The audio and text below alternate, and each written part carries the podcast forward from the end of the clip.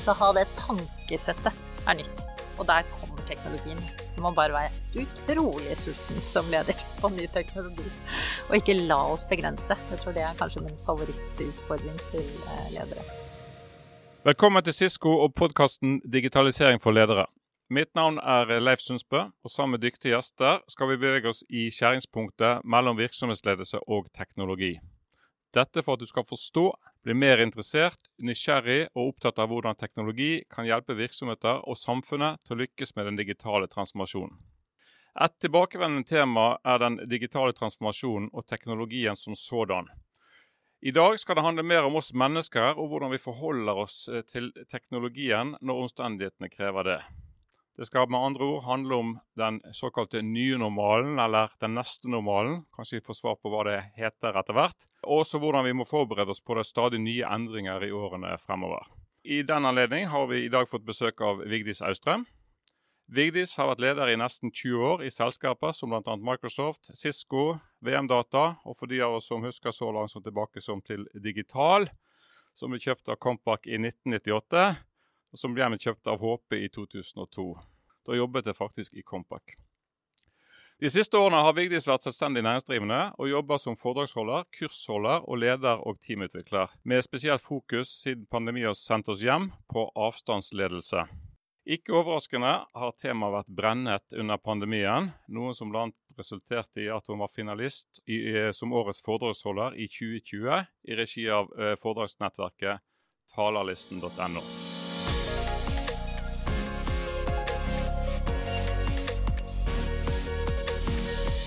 Velkommen skal du være, Vigdis. Takk skal du ha. Det var en herlig intro. Jeg fikk sånn uh, reise tilbake i 20 år karriere. Flashback. Jeg var så vidt, så vidt innom der, jeg også. Du er jo veldig bevisst på å kalle fokusområdet for avstandsledelse, og ikke fjernledelse. Hvorfor det, og hva legger du i det? For meg så eh, er det en føring allerede der som jeg kan utfordre litt. For det handler jo mye om eh, perspektiv og tankesett. Å få klare å lede folk som ikke sitter der du sitter. Og hvis du allerede begynner å påføre den med fjernledelse hm, Er det noe du ikke skal være, så er det fjern. Og en av de første tingene jeg tenker du må gjøre som leder, som jeg snakker mye om, er jo å, å fjerne den opplevde avstanden. Ja, det er det første. Så geografisk avstand, ja, men ikke fjern ledelse. Eh, og I Cisco så har vi jo vært opptatt av det med remote management, eller avstandsledelse, som du, som du kjenner til. Og det har vi jo gjort siden på en måte internett har gjort det mulig å jobbe hvor som helst. da. Eh, og, og, når som helst, og på hvilken som helst enhet, egentlig. Og du har helt sikkert gjort det samme selv i, i de selskapene du har vært hos, i bl.a. Microsoft. Eh, hva er de viktigste forskjellene nå, tenker du, på, på avstandsledelse, altså før og under pandemien? Altså, jeg begynte bl.a. i Microsoft i 2006 pga. teknologien som da gjorde at du kunne jobbe fra hvor som helst. Og at ikke, da kunne jeg gå ut fra de store videokonferanserommene og så kunne jeg liksom ta min bærbare og sette meg ned hvor som helst. Og da tenkte jeg hm, akkurat sånn vil jo alle ha det. Men det ble jo ikke sånn. Det har tatt lang tid. Det tar lang tid eh, for eh, oss her i Cisco og andre selskaper å få det der til å bli normalen. Og det har skjedd nå. Så den store forskjellen er at eh, alle har skjønt at det går an å jobbe på nye måter med teknologi og sette seg fra hvor som helst. Så det, det tror jeg er den største. Og behersker det i ganske stor grad òg. Jeg tror det som har vært eh, også oppfatninger om arbeidsplassen har endret seg den tiden her. Så for meg er det jo helt nirvana. Altså det tok 14-15 eh, år, det jo en pandemi. Så så gikk det. ja, men, men, for oss i, i, Cisco og for en del andre som du sier, teknologiselskaper som har gjort det der lenge, så er jo mm. ikke forskjellen vært så stor. Men, men, for andre som da plutselig fra en dag til en annen blir bare kastet ut av kontoret og hjem, så, så, er jo overgangen ganske brutal, da. Veldig stor. Og jeg har eh, Jeg begynte å snakke om dette her, tror jeg, for eh, rundt 10-11 år siden og forklare hva som var smart å tenke på, holde litt foredrag og kurs og sånn den gangen. Og det, siden da har jeg stilt det spørsmålet hva opplever du krevende med å lede på avstand? Eh, eller lede på hjemmekontor, som det har vært mye av dette året her, da. Og det er en haug av ting. Altså, jeg pleier å bruke sånn ordsky, da. Den, den er svær, kan jeg fortelle.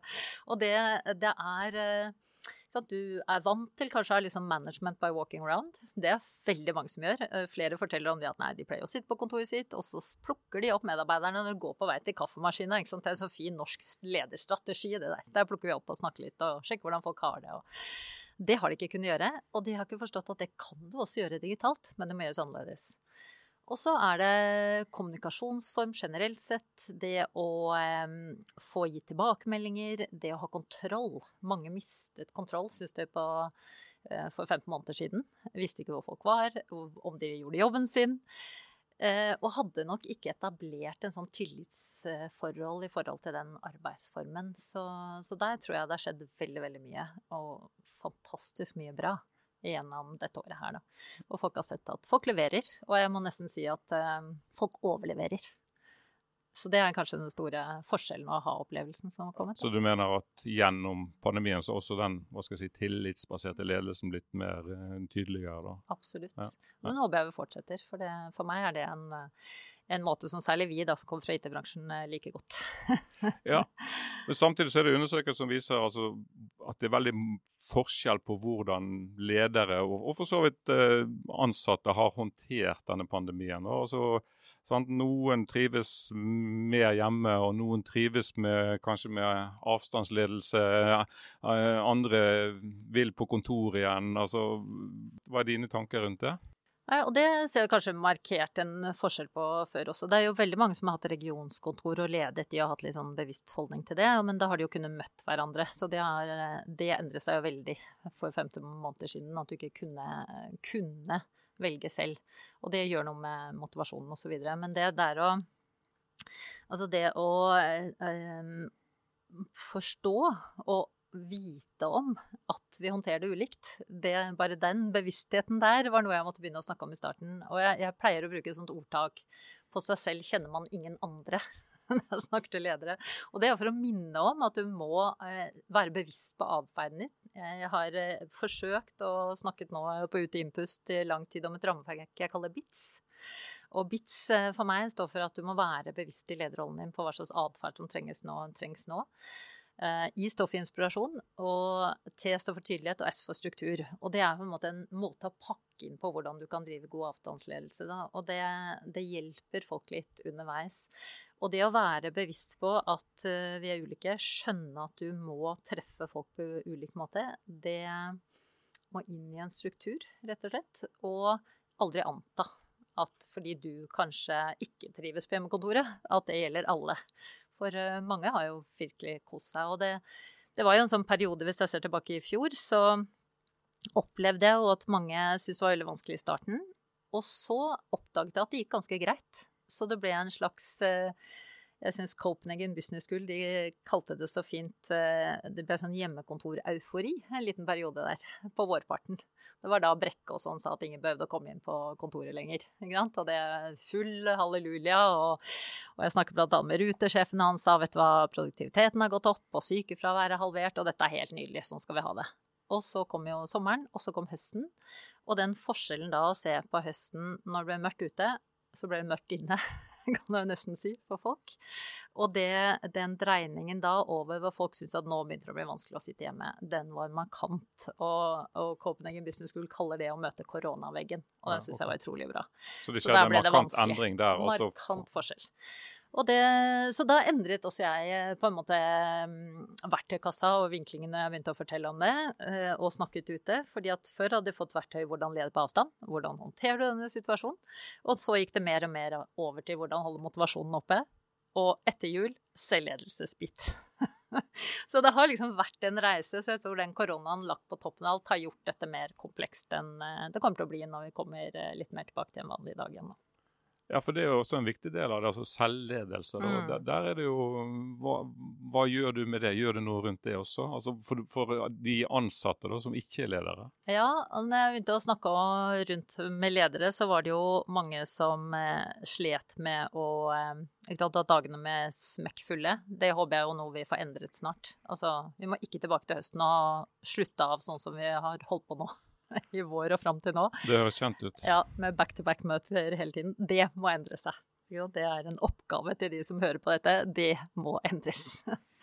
Og det, for det vi oppdaget, er jo at folk eh, ble så slitne. De klarte ikke selv å styre at de måtte legge inn en pause imellom. De klarte ikke selv å ta ansvaret for kalenderen sin og tid.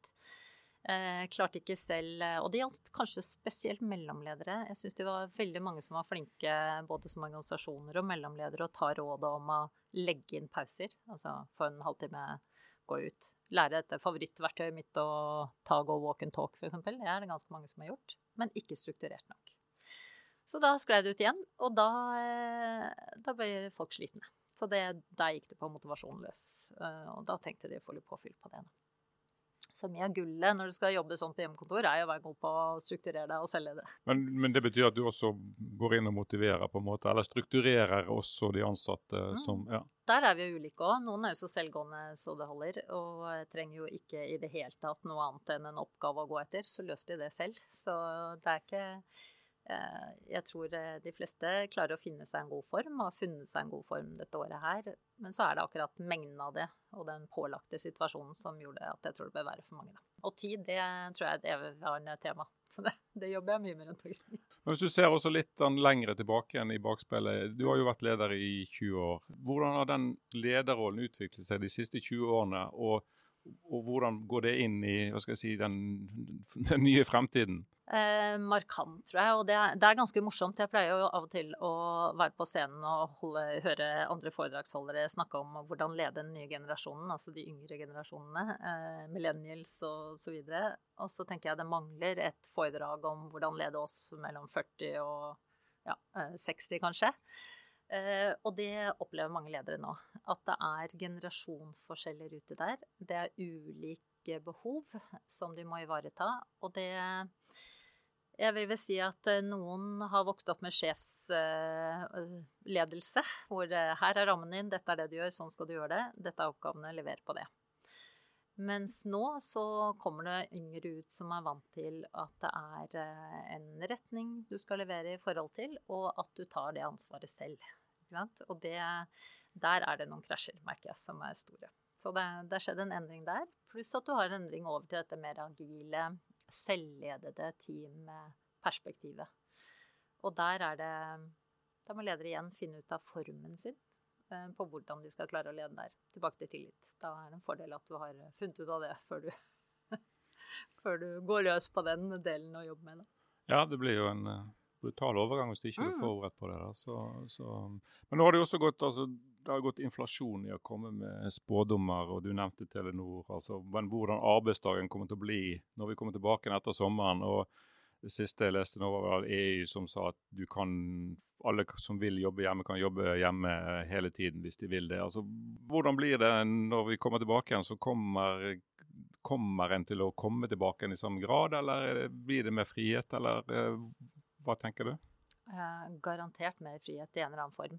Eh, det jeg tror ikke jeg har sagt med en, et selskap som ikke sier at de kommer til å løse opp noe og gi noe mer fleksibilitet. Men graden av det kommer til å variere.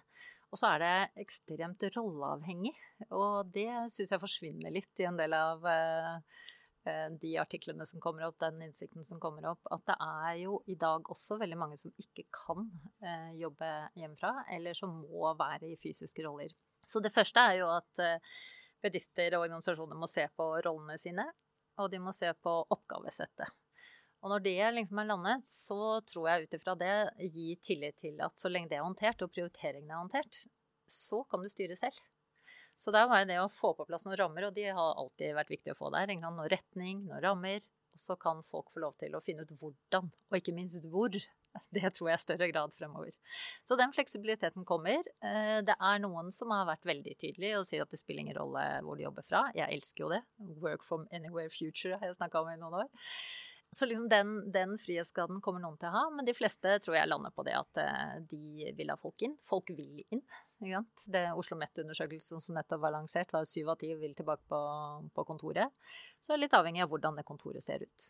Hvordan det er der, og hvordan jeg får jobbet. Så jeg tror det blir en stor spredning. Et par dager eh, kanskje hjemme, og så inn på kontoret mye. Eller kanskje motsatt i noen andre sammenhenger.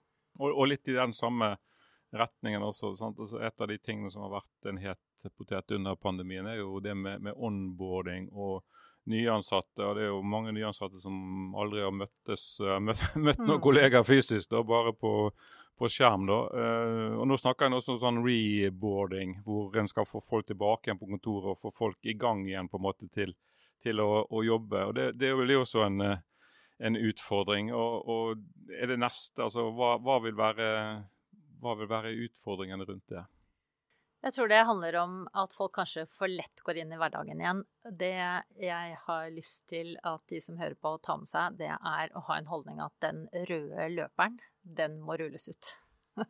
Det, den må rulles ut. Den må rulles ut nå, før sommeren, og fordi at folk har gjort en kjempejobb. Og det er litt sånn anerkjennelse at folk har jobba, jobba, jobba og stått på. Jeg tror ikke folk er klar over hvor mye folk har jobba i denne perioden.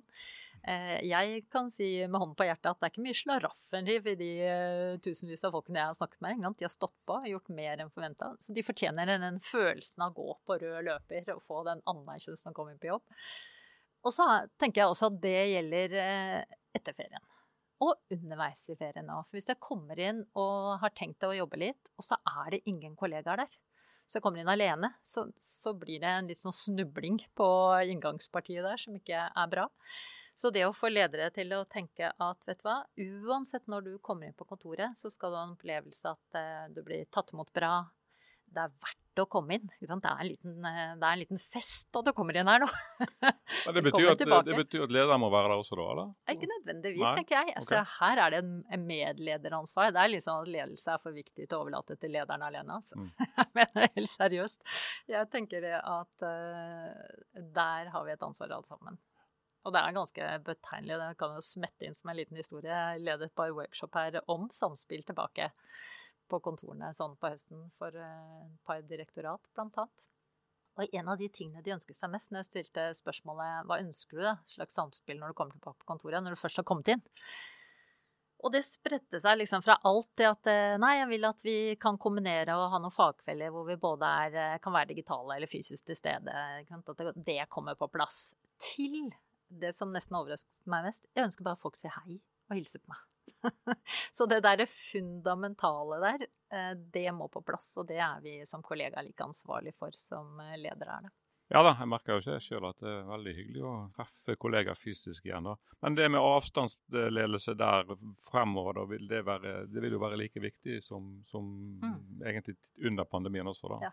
Godt sagt. Det er helt riktig. Og der tror jeg en del kan snuble litt. Det er en mulig fallgruve. At de tenker at nå, Nå er det over. Litt. Nå er det over. Ja. Slipper jeg å tenke på alt det der. Og digitale kaffekopper og alt hva det er jeg måtte ha gjort dette året her. Jeg slipper hele greiene. Nå kan jeg bare plukke opp folk igjen ved kaffemaskina, og ting løser seg. Sånn blir det ikke. Ja, For de som ikke er vant til det, så blir jo det også være en forskjell på å lede Altså Det vil jo være fysiske tilstedeværelse, men Mm. samtidig være noen på, på digitalt. Det, i, I de aller fleste møtene. Og vi sier vel 98% ja, i 98% av møtene så vil det være en digital deltaker. da. Ja, og særlig internasjonale selskap, store selskap, garantert. Fordi at eh, den fleksibiliteten, og hvis du åpner opp helt Jeg tror ikke alle kanskje har tatt inn over seg hvis de har gitt så store fleksible liksom, føringer at du kan jobbe fra hvor som helst, når som helst. Da begynner du å måtte tilrettelegge for det. Da må det, Alle møteinvitasjoner må alltid ha en digital link med seg. Det er vi vant til, men det er ikke de fleste selskap i Norge vant til. Eh, Så det kan fort være en sånn gammel normal å gå tilbake til, hvis jeg kan si det sånn. Så den må på plass. Ja, og det, det har jo også vært kanskje Jeg har jo sett undersøkelser på det også, at hvor, hvor på en måte de som blir definert som litt mer introverte, da har, har fått mer til sin rett eh, nå gjennom, gjennom pandemien, og, og gjennom altså at de kan være mer deltakende digitalt og på lik linje med de andre som også er digitale i samme møte. da. Ja. Mens, mens hvis de fortsatt skal henge på veggen mens de andre skal sitte rundt et bord på kontoret, så, så ja, det blir grusomt. er det en utfordring å lede det også. Ja, ja, og det tenker jeg det er jo nesten som å gå tilbake 20 år i tid, hvor vi hadde sånn lydsak som var en stemme fra regionskontoret i Bergen som uh, ropte til oss møterom møter om i Oslo. Det går ikke. Der kan vi fort havne hvis du ikke er bevisst rundt det. Og det, det også å ta med seg, og det er vel kanskje det første som jeg ber folk òg, og gjerne før de tar ferie, eller før de begynner for fullt eh, nå i høst, det er å reflektere over hva var det som var bra. Hva har det som har vært bra dette året? Og en av de tingene som er bra, er akkurat en sånn rettferdighetsprinsipp. Folk som kanskje ikke har fått så mye plass før, de har fått mulighet til å få plass nå. Og som du sier, introverte har kunnet klart å komme mer på banen um, og blitt sett på andre måter. Fordi at de kanskje har vært flinkere til å spille det inn da, i møter. Men der er det jo en, en, hva skal vi si, en bevisstgjøring som hviler på den enkelte òg. Bestemme seg hvordan skal jeg klare å få min plass i, når vi kommer tilbake. Men det må kreve en struktur. Det er det, det er en sånn, eh, I dette BITS-rammeverket mitt, den strukturen er for å sørge for at du får alle involvert. Er det noe vi mennesker er opptatt av, så er det rettferdighet. Så det med inkludering og rettferdighet har jeg skrevet opp eh, som sånne stikkord for høsten når du leder hybrid. Det må du passe på. Vi er eh, straks tilbake.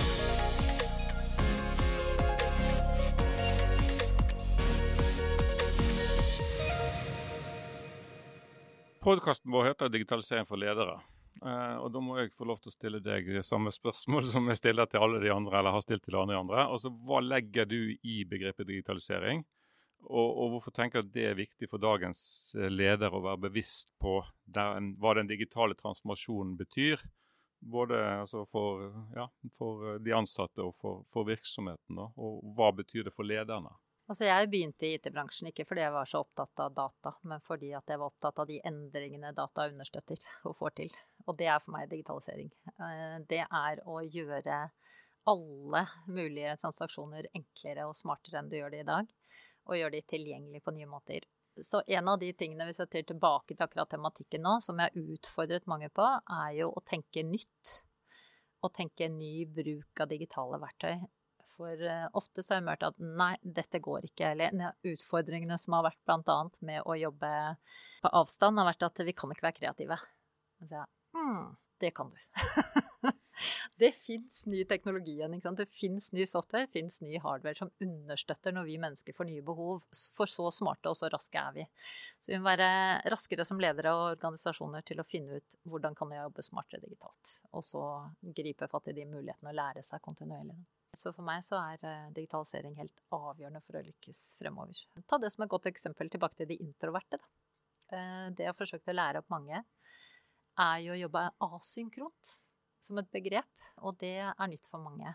Og det vil jo si at jeg bør ikke sitte i møtene sammen. Jeg bør ikke sitte fysisk for å bli hørt og sett. Men vi legger det gjennom Man bruker kanskje Teams eller Slack eller noe sånt som en sånn kanal, eller man bruker disse nye Mural, Miro, digitale prosessverktøyene. Så ha det tankesettet er nytt. Og der kommer teknologien. Så må bare være utrolig sulten som leder på ny teknologi. Og ikke la oss begrense. Jeg tror det er kanskje min favorittutfordring til eh, ledere. Kan vi kalle det transformasjonsledelse også, da? Eller? Ja, og vi liker jo å putte merkelapper. Altså, jeg har jo holdt foredrag hele året fra hjemmekontoret mitt med et par sånne billigbokhyller full av lederprefikser på bøker og titler. Så transformasjonsledelse, ja absolutt. Og det er kanskje litt kvantesprang som ligger i det å lede transformasjon. Eh, store endringer. Men jeg vil jo si det at eh, vi er stein gode på å endre oss. Det, det som ligger i transformasjonsledelse og lederens rolle der, er jo å være en stor inspirator. Og la den enkelte få lov til å komme fram og slippe til. Så det er kanskje to viktige ting å ta med seg. Winston Churchill skal ha sagt at en alle skal ha en god krise gå til spille. Så det kan jo, kan jo, komme noe godt ut av det også. Og, og, og, og nå la jo også nylig regjeringen frem sin distriktspolitiske strategi hvor de faktisk går ut og sier at du skal kunne jobbe i staten og bo hvor som helst. Og En ser også at departementer eh, går ut og søker etter nye medarbeidere. Og du kan jobbe hvor som helst, men du jobber i, på en måte i eh, Næringsdepartementet i Oslo. Men du sitter fysisk et helt annet sted. Men Det må jo være en fantastisk mulighet for hva skal jeg si, de som bor utenfor de store byene også, da? Ja, og det blir spennende å se. Jeg tror Kanskje hvis du tenker Norge, så er vi et lite land og ikke det har vært helt kulturen for å gjøre. Så det å kanskje nå få snudd den trenden med at vi reiser til storbyene hele tiden Kanskje folk reiser tilbake igjen. Det tenker jeg nok kan være Det er ikke gitt at du får rekruttert de ute der, men de kan reise hjem igjen. Det blir spennende for mange, tror jeg.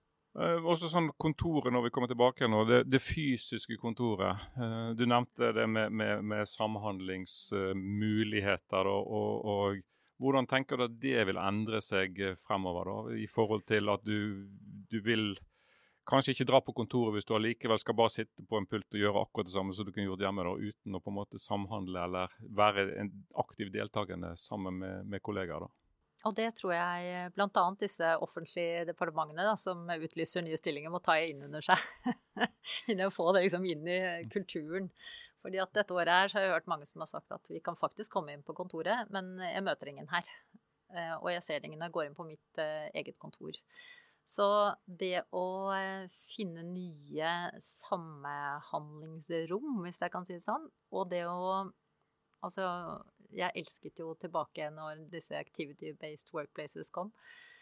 Eh, aktivitetsbaserte arbeidsplasser, heter det på godt norsk. Eh, hvor du hadde lagd landskapet basert på hvordan du jobbet. Og det er det flere som fortsetter med å gjøre i større grad nå.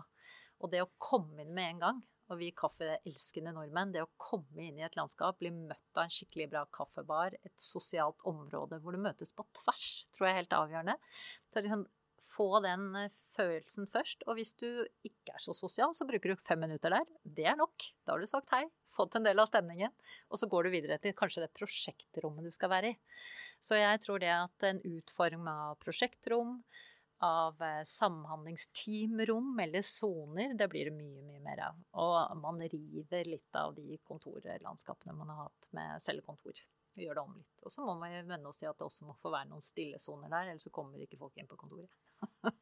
Men det, var, men det var jo også en sånn saying når, når på en måte de åpne kontorlandskapene kom i begynnelsen av 2000-tallet. Så, så, så, følte lederne at en, at en mistet litt av eh, hva skal jeg si, autoriteten sin. da, fordi at du så ikke på kontoret hvem som var leder og ikke. da. Og Det er jo enda en større utfordring nå, når en ikke engang ser eh, ja, hvem som er på kontoret engang. da. Ja, og det tror, de, det tror, jeg de, fleste har klart å venne seg litt til. Alt er uvant i starten. Jeg tror de har vent seg litt til det nå, at folk jobber selv om jeg ikke ser de, og de må ses digitalt i stedet. Så den, den tror jeg ikke er den største utfordringen. Men det er mer det å skape en tilhørighet jeg må komme inn på jobb fordi jeg har lyst. Det må være spennende lokale. Jeg må møte gode folk, gode kollegaer. Jeg må ha en opplevelse at jeg har noe der jeg skal gjøre. Det skal være verdt å komme inn. Og det tror jeg Der blir lederne avgjørende. ikke sant? At, at, det tilrettelegges mer enn før. Og at det er en uh, Igjen en rød løper, men denne herre uh, At det legges oss opp til oppgaver som vi løser sammen på tvers. Og det tror jeg eh, er en endring for en del. For det er mange individuelle oppgaver ute, og det må vi kanskje tenke litt nytt om. Så lederrollen er fortsatt like viktig, mener du? Ja, den endrer seg. Jeg tror den er viktig på et par måter. Den eh, lederrollen vi trenger selv i det mest agile miljøet jeg jobber i, så er det et behov for en som er med og prioriterer. Og liksom kan kunne klare å peke i en retning og spare på prioriteringer. Det er vel kanskje noe av det viktigste. Å være en, eh, en samlende ressurs, rett og slett, som fanger opp de ulike behovene. For det er fort gjort, og det, jeg syns jo en sa det så veldig bra, at uh, vi trenger ledere ofte for å liksom få teamfølelsen forsterket, hadde jeg sagt noe om da. Og enhver må liksom bli med inn på teamet. Og da var det en som sa, medarbeider, at det, ja, det er riktig det, Vigdis, for det har jeg ikke tenkt over. Jeg har jo egentlig sittet uh, som et eget enkeltmannsforetak her på hytta og tenkt på mitt og gjort mitt. Og da var jo lederen den som hentet inn og sa vet du hva, nå trenger vi å ha deg inn og ha deg med på laget. Så jeg tror lederen fortsatt er en samlende figur og en samlende rolle. Men lederskapet endrer seg. De som hører på, være seg toppleder eller mellomleder eller ansatte, altså har du noen gode tips å komme når det gjelder å skape et godt hjemmemiljø eller et godt hjemmekontor som du opprettholder motivasjonen og produktiviteten og samhørighet med, med resten av eh, jobben? Hvis jeg skal si noe annet enn det man liksom har googlet og sett i løpet av disse 15 månedene, så er det én ting jeg ser jeg bruker som jeg ikke har sett så mange andre gjør. Og det kan kanskje være en verdi. Og det kan være en verdi, og det er kanskje derfor mange holder fast på kontorene sine inne på jobben også, vil ha de. Fordi at det jeg har på pulten min hjemme, er det vi kaller på fagspråket artefakter. Og en av de som har vært veldig god på liksom skrevet mye om eh, bedriftskultur og kultur, han heter Edgar Schein, og han brukte veldig bevisst sånne artefakter som er sånn synlige visuelle ting, eller elementer, som gjør at det forsterker den kulturen du ønsker å ha. Og hos meg så har jeg sånne artefakter rundt som holder eh, Sørger for at jeg eh, klarer å lede som jeg ønsker. Og som gjør at jeg klarer å ha liksom retningen et sted på det jeg har lyst til. Og som gjør at jeg har noen mål å strekke, seg, strekke, meg mot, og som gjør at uh, hverdagen jeg er selvgående og selvmotivert. Altså det, det er lystbetont, det hele. Den er veldig grei. Har du noen eksempler på, på det du har? Jeg, jeg kan bruke et par. Jeg bruker sånn med, Jeg hadde jo som mål det Jeg syns jo alle må komme seg ut av Norge og jobbe utenlands, blant annet. Så jeg hadde Space Needle i Seattle stående lenge før jeg flyttet dit og jobbet på hovedkontoret til Microsoft der borte selv. Og det ble for meg en sånn artefakt som sa jeg skulle i en retning. Det var en utvikling jeg ønsket meg, og noen oppgaver og utfordringer jeg ønsket. Det jeg bruker når jeg er på hjemmekontor nå, leder folk på avstand mye, er at jeg har et uh, gullegg som mange har sett. og den pleier jeg å lære ledere bort at jeg ser på den, og så tenker jeg ja, det er gull vet du, å møte disse andre folka her, så jeg må finne ut hva som er gull. Og så må jeg lene meg litt frampå og stille noen gode spørsmål. For det er noe gull her. Jeg har bare ikke funnet det eller fått det fra meg nå i dette møtet eller i dette prosjektet eller hos denne personen. Så den ligger der som en sånn der jeg må lete litt mer, uh, hvis jeg føler at jeg ikke har fått det bra ut. Og så har jeg et, timeglass. Kanskje er den siste som er verdt å nevne, for den brenner jeg så veldig for. Det er sånn 15 minutters timeglass. Og jeg er så lei av at det ikke er pause mellom møter. så den står der og minner folk på at nå må vi ha møtefrie dager, kortere tider og ta pauser imellom, så folk får snudd seg og lada om. Det er for dårlig kvalitet etter hvert. Så, så, den står der og dytter på det at det må, må bli 45 minutters møter kontra en time osv. Ja, Det er jo et godt tips, da, for møtene må jo ikke vare 60 minutter. da. Nei. Og de må ikke begynne og slutte klokken hel. Riktig. Og den må vi få endra på. Det må være gull å få ut fra koronaperioden. Og en læring å ta med seg. Ellers så eh, tror jeg vi starter høsten litt skjevt. Og tenk deg så synd nå, da. Hvis vi kommer inn på kontoret, og så har vi ikke tid til å si hei, for vi løper fra det ene møtet til det andre fortsatt.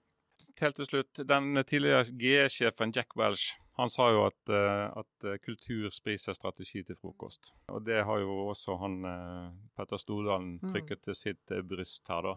Også før pandemien så var det veldig mange altså, Han har jo utfordringer med å skape kultur nok på arbeidsplassen sin. Og nå, nå, treffes vi kanskje enda mer, eller vi har truffet hverandre mindre fysisk, men kanskje vi også vil fortsette å treffe hverandre mindre fysisk fremtiden. da. Eh, hvordan vil det påvirke? Altså Vil det å bygge en selskapskultur være døden når hjemmekontoret på en måte tar over, eller? Ja, det er det mange som har tenkt, og som har slitt med et år her. Eh, men jeg, min erfaring er jo at noen av de teamene jeg har jobbet best med, og vi har fått til fantastisk tilhørighet og stolthet og leveranser og alle de tingene du ønsker av en kultur, det har vært eh, team hvor vi har møtt hverandre en gang eller to i året. Så du klarer å få det til hvis du jobber veldig bevisst for hva som er viktig i et team. Eh, og det å ha igjen en bevisst holdning til det, og tenke at du skal gå inn for å inspirere som leder. Ikke det motsatte, som jeg ofte føler mange ledere gjør, kontrollere. og eh, hvis vi klarer å få til eh, en inspirerende arbeidsplass og med gode oppgaver, så tenker jeg at den kulturen kommer så veldig på plass. Med det så sier jeg tusen takk til eh, deg, Viktig. Så tusen takk for at du lyttet til oss. Denne episoden ble spilt inn 23.6. Og eh, det er siste episode for eh, denne sesongen. Og takk for at du har vært med oss så langt. Og så er vi tilbake igjen i august med en ny sesong med nye episoder og nye spennende, kunnskapsrike gjester. Takk for oss, og ha en riktig god sommer.